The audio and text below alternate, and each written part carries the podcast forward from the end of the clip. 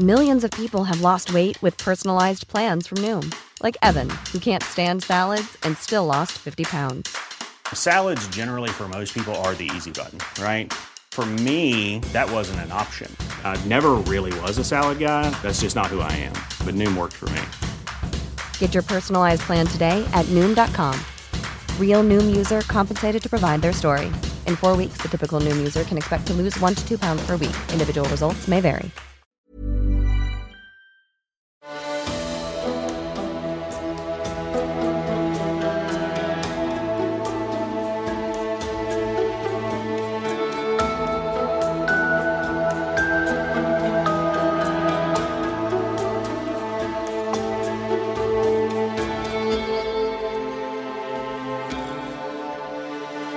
Velkommen til Seriemorderpodden, podkasten dedikert til seriemordere. Hvem de var, hva de gjorde, og hvordan. Jeg heter Thomas Rossaland Wiborg Tune, og i kveld tar vi for oss en fersk seriemordersak. Min favorittepoke i historien er La Belle Époque. Dette er altså perioden mellom 1880 og frem til første verdenskrig. En periode preget av enorm teknologisk innovasjon, demokratisk utvikling og økende velstand. Det var også en periode preget av flere svært kjente seriemorder, superstjerner, som for eksempel H.H. Holmes og mordere som aldri ble fanget, slik som Jack the Ripper og kveldens stjerne, Atlanta Ripper. Vi har dessverre ikke noe norsk kallenavn på denne morderen, Direkte oversatt blir det til Atlanta-revneren, og det har liksom ikke samme schwung over seg. I tillegg til å reise til min favorittperiode, reiser vi også til mitt favorittområde i USA, The Deep South, nærmere bestemt til Portenes by, byen i en skog, sydstatenes imperieby. Jeg snakker naturligvis om delstatshovedstaten i Georgia, Atlanta.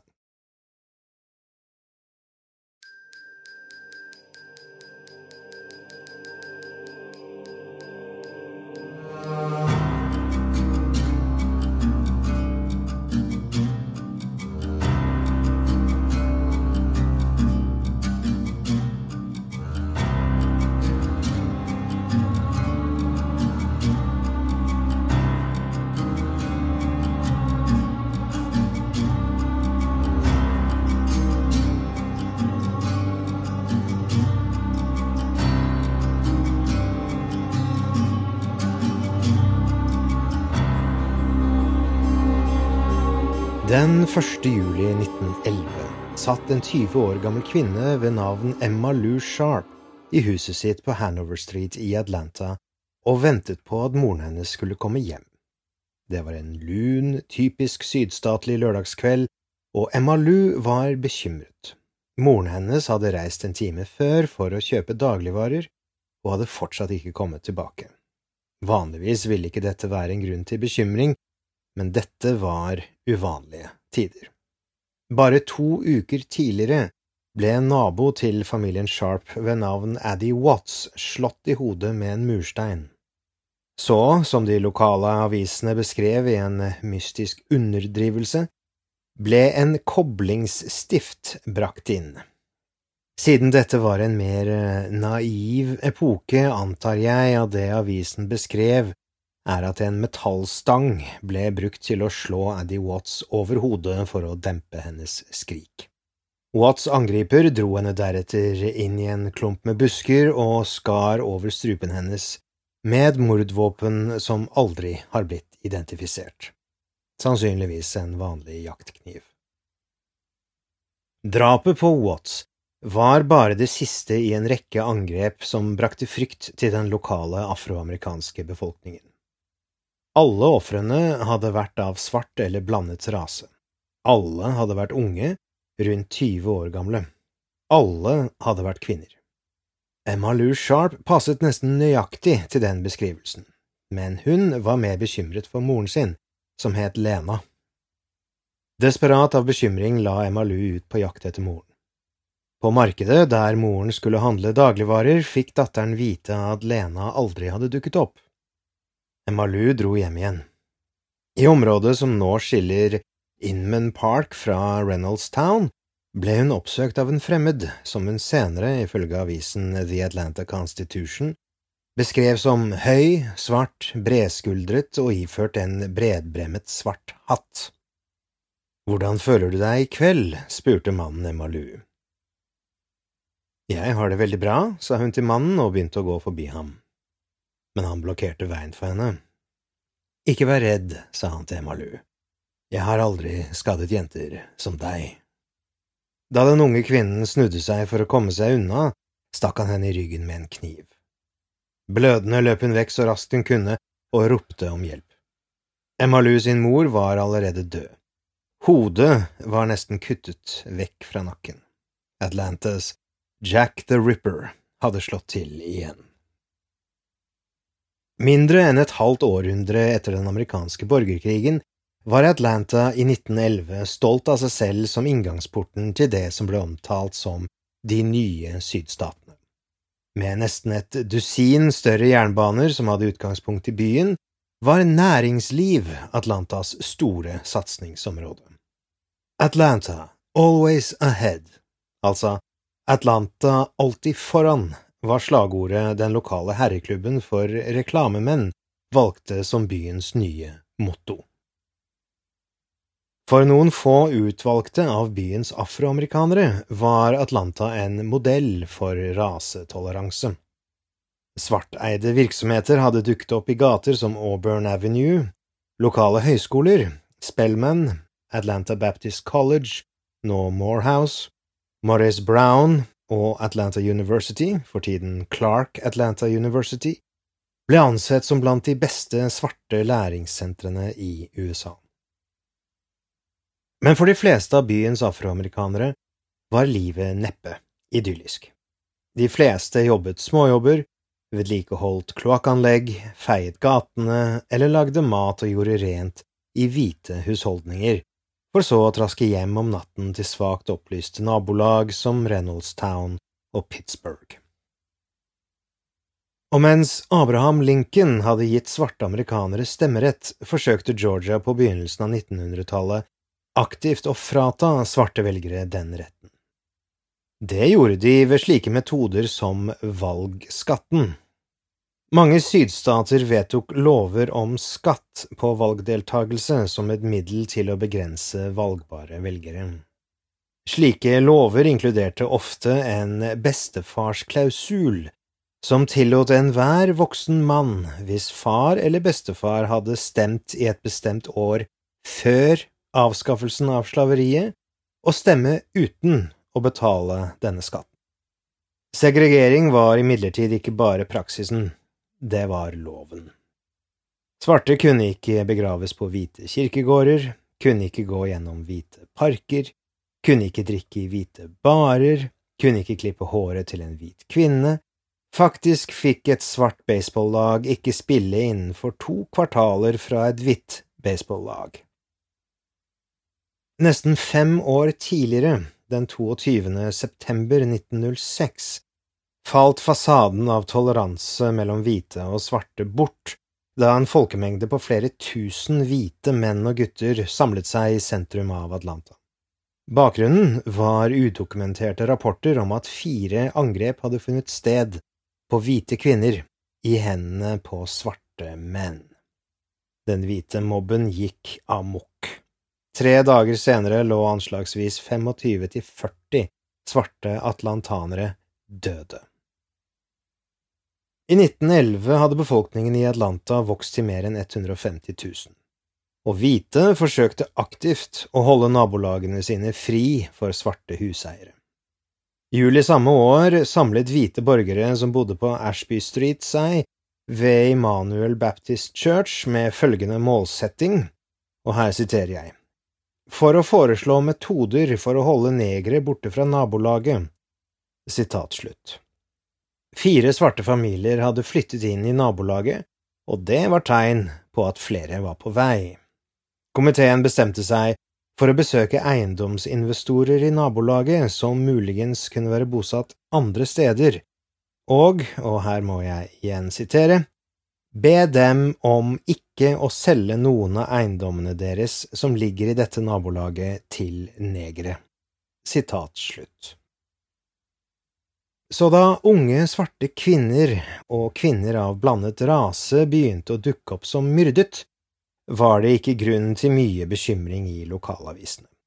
Aviser som Atlanta Georgian, Atlanta Constitution og Atlanta Journal, som stort sett ble lest av hvite, og bemannet utelukkende av hvite reportere og redaktører, var langt mer bekymret for forbrytelser som direkte påvirket hvite borgere.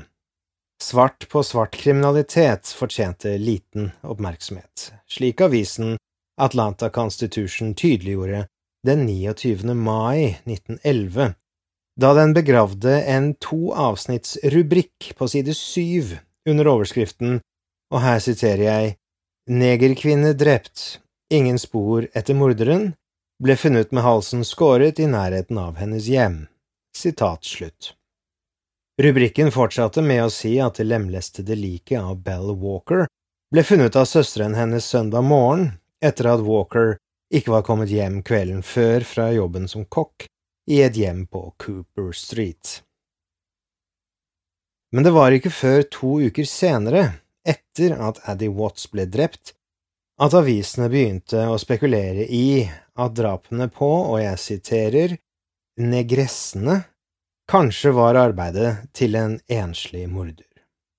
The Atlanta Journal spurte 16. juni om det var snakk om en svart slakter. Selve artikkelen var ikke lenger enn fire paragrafer. Likevel var det siste avsnittet kanskje det første i lokalpressen som sammenlignet drapene i Atlanta med arbeidet til Londons beryktede seriemorder på 1880-tallet. En seriemordersak som fortsatt hjemsøker vårt kollektive minne. Saken mer beryktet enn noen annen forbrytelse. Pressen skrev, og jeg siterer, På grunn av antallet nylige drap på negresser fremmer politimenn teorien om at Atlanta har en sinnssyk kriminell, en som ligner den berømte Jack the Ripper. Sitat slutt. Ti dager senere løftet avisen The Atlanta Journal Atlantas Jack the Ripper til forsiden. For første gang undersøkte avisen likheter mellom forbrytelsene, og la merke til at fem lørdager på rad resulterte i drapet på en ung svart kvinne. Men samme dag som journalen slo alarm om en mulig seriemorder, dekket avisen Atlanta Constitution den sjette døde svarte kvinnen på omtrent samme undervurderte måte som før. Avisen navnga den avdøde og konkluderte etter bare to avsnitt at whisky og kokain var de sannsynlige dødsårsakene. Det er verdt å merke seg at i denne epoken ble kokain ikke sett på på samme måte som det er i vårt postmoderne samfunn. Sigmund Freud skrev mye om de fordelaktige egenskapene til kokain. Coca-Cola hadde bare åtte år tidligere sluttet å bruke kokain i sine drikker, og hvem som helst kunne kjøpe kokain uten resept i ethvert apotek i hvilken som helst mengde så lenge de hadde penger til å gjøre det. Det var imidlertid kjent at det kunne brukes til rekreasjon, og begynte som sådan å få et rykte som et stoff som kunne misbrukes, omtrent på samme måte som reseptbelagte legemidler kan i dag. Likevel, da Lena Sharp ble funnet død og datteren hennes knivstukket, måtte til og med avisen Constitution innrømme, i en overskrift, at, og jeg siterer, teorien om Jack the Ripper er gitt ytterligere substans. Sitat slutt. Artikkelen fortalte deretter i detalj hvordan Emma Lou Sharp kom ansikt til ansikt med det politiet trodde var mannen som nå er kjent som Atlanta Ripper. Avisen The Atlanta Journal beskrev Emma Lues lidelser ganske annerledes. I en mye skarpere tone sa avisen at Emma Lue og moren hennes hadde vært sammen da de ble angrepet.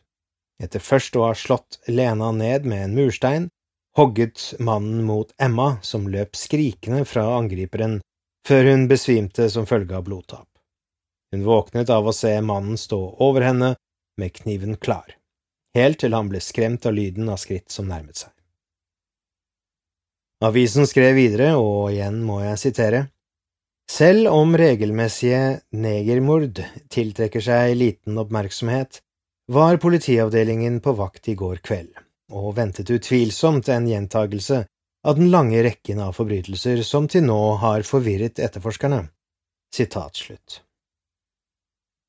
Rettsmedisiner Paul Donahoe konkluderte offisielt med at alle mordene på de unge svarte kvinnene var begått av samme mann. Dagen etter, 3. juli, nevnte avisen Journal på side 9 at en lokal svart begravelsesmann, LL Lee, hadde tilbudt en belønning på 25 dollar for å fange morderen. I mellomtiden begynte aviser over hele landet, fascinerte av prospektet om en ny Jack the Ripper, og publiserer artikler om mordene i Atlanta. Da nok en lørdag nærmet seg, stilte avisen Journal spørsmålet som var på alles sinn. Vil Jack the Ripper kreve sitt åttende offer denne lørdagen? Sitat slutt. Artikkelen siterte en ikke navngitt veteranpolitimann som var skråsikker på at morderen ville slå til igjen. Og, ikke overraskende for deg og meg, kjære lytter, lørdag kveld 8. juli forlot 22 år gamle Mary Yeldell hjemmet til WM Seltzer på Fourth Street, hvor hun jobbet som kokk. Fra en bakgate hørte hun en lav plystring. Hun stoppet, og vandrende mot henne var det hun beskrev som en, og jeg siterer, negermann, høy, svart og velbygd, og beveger seg med et kattelignende tråkk. Sitat slutt. Yaldell løp skrikende tilbake til Seltzer-huset. Seltzer møtte henne ved døren og grep deretter revolveren sin. Han løp til bakgaten og fant mannen som fortsatt sto der men da Seltzer ba ham rekke opp hendene, sprang mannen motsatt vei nedover bakgaten. Denne oppførselen er veldig i tråd med det vi vet om psykopater i dag. Selv om de er i stand til å påføre hele samfunn enorm redsel, er de ofte narsissister. De vil risikere mange ting, men aldri bevisst risikere å bli fanget eller drept. Seriemordere jakter på de som er svakere enn de er, og spesielt ofre som er alene. Når de blir konfrontert av vitner eller utfordret fysisk av ofrene, trekker de seg ofte tilbake og stikker av. Det er uheldig at Seltzer ikke avfyrte våpenet sitt, men vanlige mennesker bruker sjelden vold, med mindre de absolutt blir tvunget til det. Så i stedet ringte Seltzer politiet, som ankom på motorsykler, men omtrent som i en film fant søket deres ingenting. I løpet av få dager hadde svarte kirker i Atlanta økt belønningen for morderens arrestasjon, og erklærte i en resolusjon at, og jeg siterer, de stygge og ustraffede drapene har plassert et terrorregime over arbeiderklassen av kvinner av vår rase. Sitat slutt. Men belønningen var ubrukelig.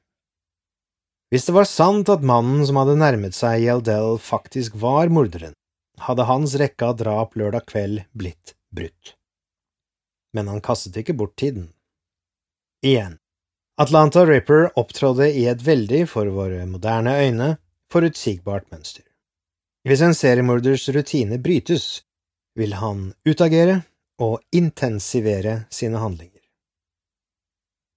Så, tirsdag morgen 11. juli kom en gruppe menn som jobbet med kloakkvedlikehold nær krysset mellom Atlanta Avenue og Martin Street, like vest for Grant Park, over en stor blodpøl i veien.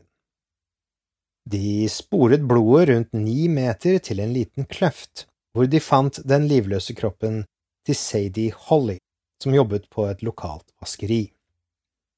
Skoene hennes manglet, og halsen hennes var kuttet på en måte som lignet veldig på metoden Jack the Ripper brukte, kuttet slik at hodet nesten ble fjernet fra nakken.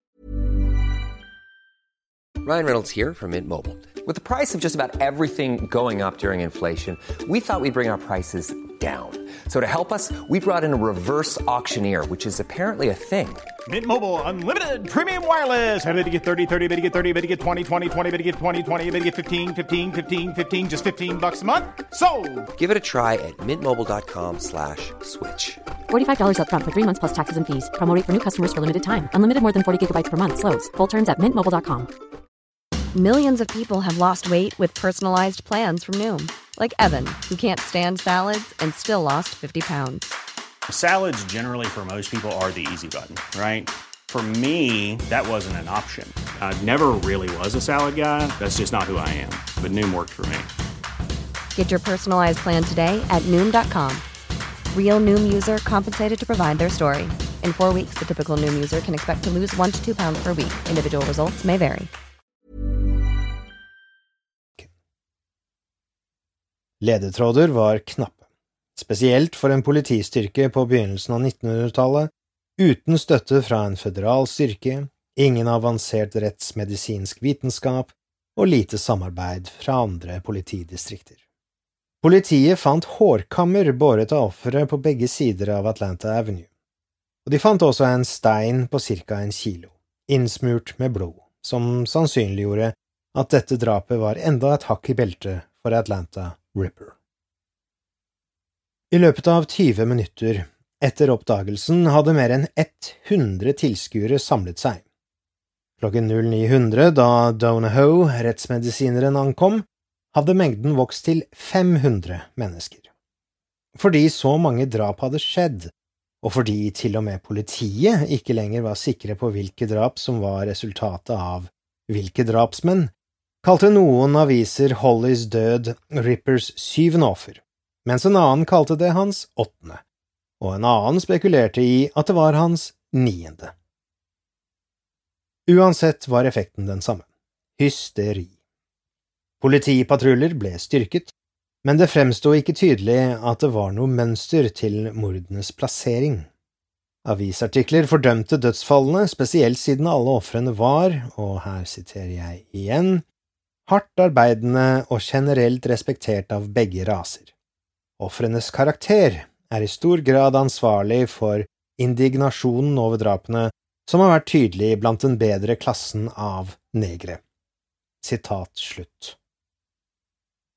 I en lederartikkel refset avisen Constitution politiet for ikke å finne drapsmannen. I artikkelen sto det, og jeg siterer, Hva er så i veien med Atlanta-politiet at de ikke har funnet de kriminelle selv og låst dem sikkert fra ytterligere ødeleggelse? Er det likegyldighet eller inkompetanse? Trenger Atlanta en politioppvåkning eller en politiopprydning? Sitat slutt. Det hersker liten tvil om at politiets impotens skyldtes, i det minste delvis, det faktum at Atlanta Police Department var helt hvit. Tenk deg, kjære lytter, hva som ville skjedd i dagens Amerika hvis flere svarte kvinner ble myrdet av en nådeløs morder, og politiavdelingen som etterforsket saken, ikke besto av én eneste svart etterforsker. Jeg kan tenke meg at en slik sak, hvis den forble uløst lenge, ville resultere i at opptøyene som utløste Black Lives Matter-demonstrasjonene i Ferguson, hadde sett ut som et skuespill i barnehaven. Nærmest i panikk begynte Atlanta-politiet å arrestere folk til venstre og høyre. Innen 24 timer etter oppdagelsen av Hollys kropp arresterte politiet Henry Huff, en 27 år gammel arbeider. Huff hadde blitt sett med Holly kvelden hun ble drept, sa politiet, og ble arrestert i blodige klær med rifter på armene. Ikke lenge etter at Huff ble arrestert, plukket politiet også opp 35 år gamle Todd Henderson i en salong på Decatur Street. En mann hadde sett Henderson med Holly den kvelden hun ble drept, i et apotek ikke langt fra drapsstedet. Emma Lou Sharp ble brakt til stasjonen for å identifisere Henderson. Emma Lou sa hun var rimelig sikker på at Henderson var rett person, men hun kunne ikke være skråsikker. Pressen i Atlanta rapporterte nå at de hvite i Atlanta også var opprørt over drapene. Drapene hadde bidratt til at det var ytterligere vanskelig å finne gode tjenere noe som den hvite overklassen i Atlanta fant uakseptabelt. Overfor politiets udugelighet ba ledere av Atlantas svarte innbyggere myndighetene om å ansette svarte etterforskere. Ledere for svarte kirker oppfordret byrådet og guvernøren til å utløse en skikkelig belønning for pågripelsen av morderen. Deres begjæring ble støttet av mange fremtredende hvite atlantanere, inkludert Asa Candler, grunnlegger av Coca-Cola, og en fremtidig ordfører i Atlanta. Saken mot Henderson ble sterkere da han fortalte detektiver at han ikke hadde eid en barberhøvel eller lommekniv på over et år. Men politiet fikk vite at morgenen etter at Holly ble myrdet, hadde Henderson levert en barberhøvel på en lokal frisørsalong for å bli kvesset. Selv om sakene mot både Henderson og Huff var basert på omstendigheter fremfor harde bevis, bestemte politiet seg for å overlate begge mennene til aktor, i håp om at en storjury ville sile gjennom bevisene og bestemme hvilken mann som skulle tiltales for drapet på Sadie Holly. Likevel virket politiet selv i tvil om de hadde fått tak i rett mann. Torsdag, tre dager etter Holly-drapet, ble åtte sivilkledde patruljemenn sendt på nattpatrulje. Uken ble avsluttet med at guvernør Hoke Smith tilbød en belønning på 250 dollar for Atlanta Rippers pågripelse. Den søndagen var rekken av drap i fokus for prekener i Atlantas svarte kirker. Ved First Congregational Church sa pastor Henry Hugh Proctor, og jeg siterer, Denne blodige hånden peker på syndene til de fargede menneskene selv. Våre kirker gjør godt arbeid, men de gjør ikke nok. De har fått folk klar til å dø når de burde ha forberedt dem til å leve. Sitat. Proktor ba sine forsamlinger om å rydde opp i nabolagene sine ved å stenge barer og spillebuler. Å rydde opp i samfunnet, sa han, ville gjøre arbeidet til en Jack the Ripper umulig. I løpet av de neste ukene stoppet drapene, men politiet, under intenst politisk press, fortsatte å arrestere. I praktisk talt hvert enkelt tilfelle ble den siktede pågrepet basert på beretninger fra vitner som hadde plassert dem på åstedet. Den 9. august tiltalte storjuryen to menn, Henry Huff og en ny mistenkt ved navn John Daniel. Huff ble tiltalt for Holly-drapet, men avisene ville gi lite informasjon om Daniel, men sa at han var en såkalt Jack the Ripper-sak. Den 31. august, mer enn seks uker etter det siste drapet beskrevet som en ripperforbrytelse, rapporterte avisen Constitution at Mary Ann Duncan, en 20 år gammel svart kvinne, ble funnet død i et område kalt Blantown, vest for Atlanta, mellom et jernbanespor. Som Holly før henne ble Duncan funnet uten skoene sine og med halsen skåret fra øre til øre så dypt at hodet så vidt satt fast i kroppen. Til tross for anklagene mot Huff og Daniel var både media og, overraskende nok, politiet sikre på at de ikke hadde arrestert den sanne Ripper. Den høsten gjenopptok drapene på unge kvinner. Liket av Minnie Wise, beskrevet av pressen som en, og igjen er jeg nødt til å sitere, koselig mulattjente, sitat slutt, ble funnet i en bakgate 10. november. Halsen hennes var kuttet, skoene fjernet og pekefingeren på høyre hånd kuttet av ved midtleddet. Nå, kjære lytter, ta hensyn til den siste detaljen. Ved å fjerne en kroppsdel har morderen her vist seg å modnes, og eskalere, om du vil. Som mange andre aspekter av Atlanta Ripper-saken følger den en veldig typisk seriemorderutvikling. Det starter med relativt enkle drap, tilsynelatende gjort i øyeblikket. Drapsmannen overmanner offeret sitt, kutter deretter halsen og flykter fra stedet.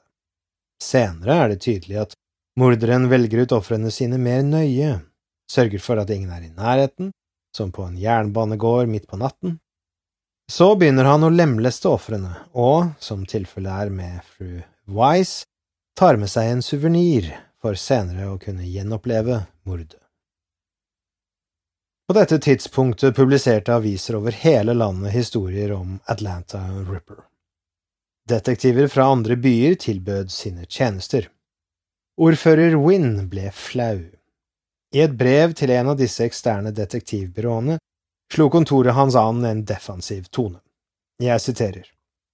Atlanta er kjent over hele landet som en av de mest lovlydige byene av sin størrelse i USA, og dets politi og detektivavdelinger står ikke tilbake for noen i hele nasjonen. Det er sant at kriminelle i noen tilfeller slipper unna arrestasjoner for en tid, men til og med rømming av denne typen forekommer i alle byer. Sitat slutt. Brevet skisserte også bemanningen i byens politi til å være 200 betjenter og 15 etterforskere. Men bare en uke etter at Wins kontor sendte ut brevet, våknet Atlanta til et av de mest grusomme drapene til da. En kvinne med hodet nesten fullstendig skåret av, hjertet kuttet og revet ut og lagt ved siden av henne. Tarmene var også revet ut og lagt ved siden av liket. Media tilskrev forbrytelsen til Ripper, og avisen Constitution publiserte den 23. november et intervju med en ikke navngitt politietterforsker. Kommentarene hans, selv gitt den tiden de ble uttalt, er slående i sin rasisme. Jeg siterer. Vi kommer ikke til bunns i denne saken før vi får litt hjelp fra negrene. Disse drapene blir begått blant den lavere klassen av negre, uvitende, brutale beist som ikke vet noe annet. Deres bekjente er redde for å snakke, men hvis vi kunne gitt litt penger til dem, kunne vi finne ut uvurderlige ledetråder, og jeg satser på at vi ville pågrepet morderne. Men vi har ikke budsjett til slikt. Sitat slutt.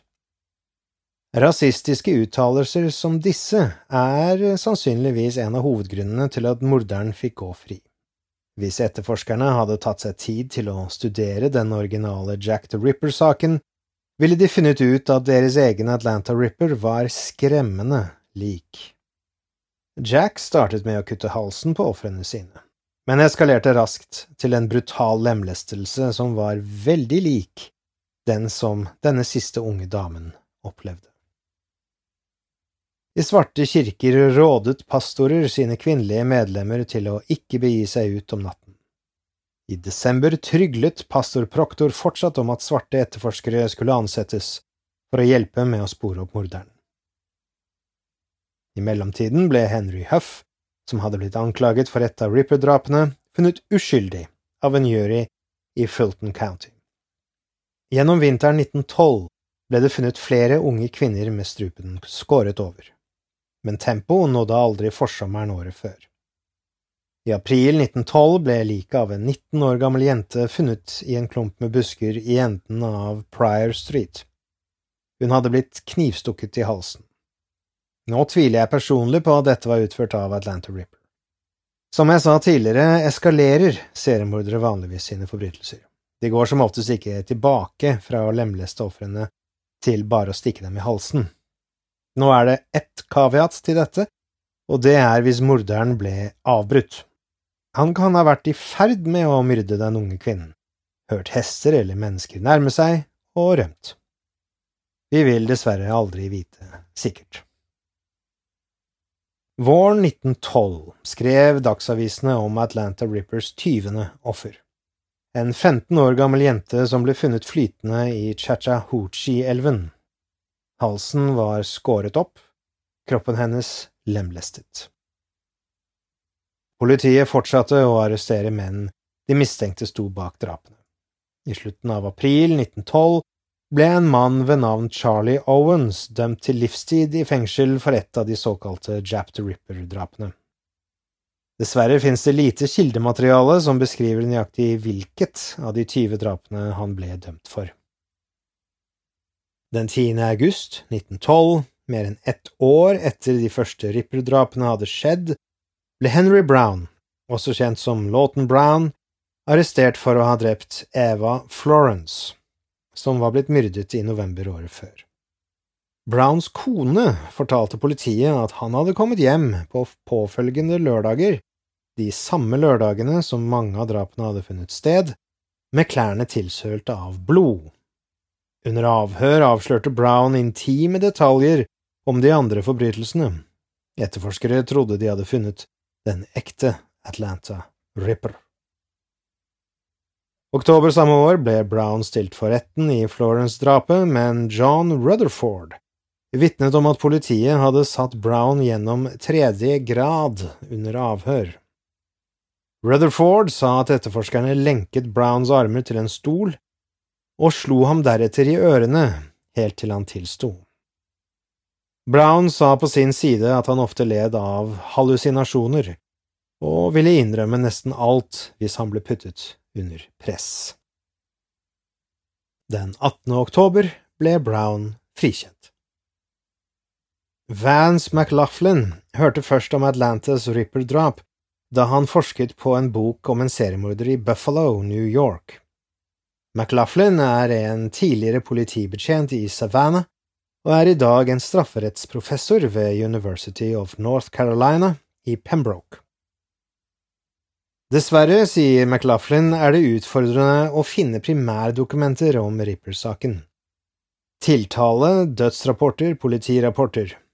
Mange eksisterer rett og slett ikke. Og datidens aviser var notorisk upålitelige. Hver avis vil tilskrive et annet tall til hvert drap, så mens noen aviser hevdet at Ripper var ansvarlig for 20 drap, kan en annen si han hadde drept 21. McLaughlin sier at hysteriet skapt av drapene kan ha inspirert en kopimorder. Eller det er mulig at noen med drap på hjertet ganske enkelt brukte den samme teknikken som ble beskrevet i avisene for å avlede mistanken til en ikke-eksisterende seriemorder. Uansett om politiet noen gang fanget ripperen eller ikke, hvis han i det hele tatt eksisterte, glemte ikke Atlanta-avisene ham. De påkalte navnet hans flere ganger de kommende årene. I mars 1913 beskrev avisen Constitution drapet på Laura Smith, som ble funnet med halsen skåret over.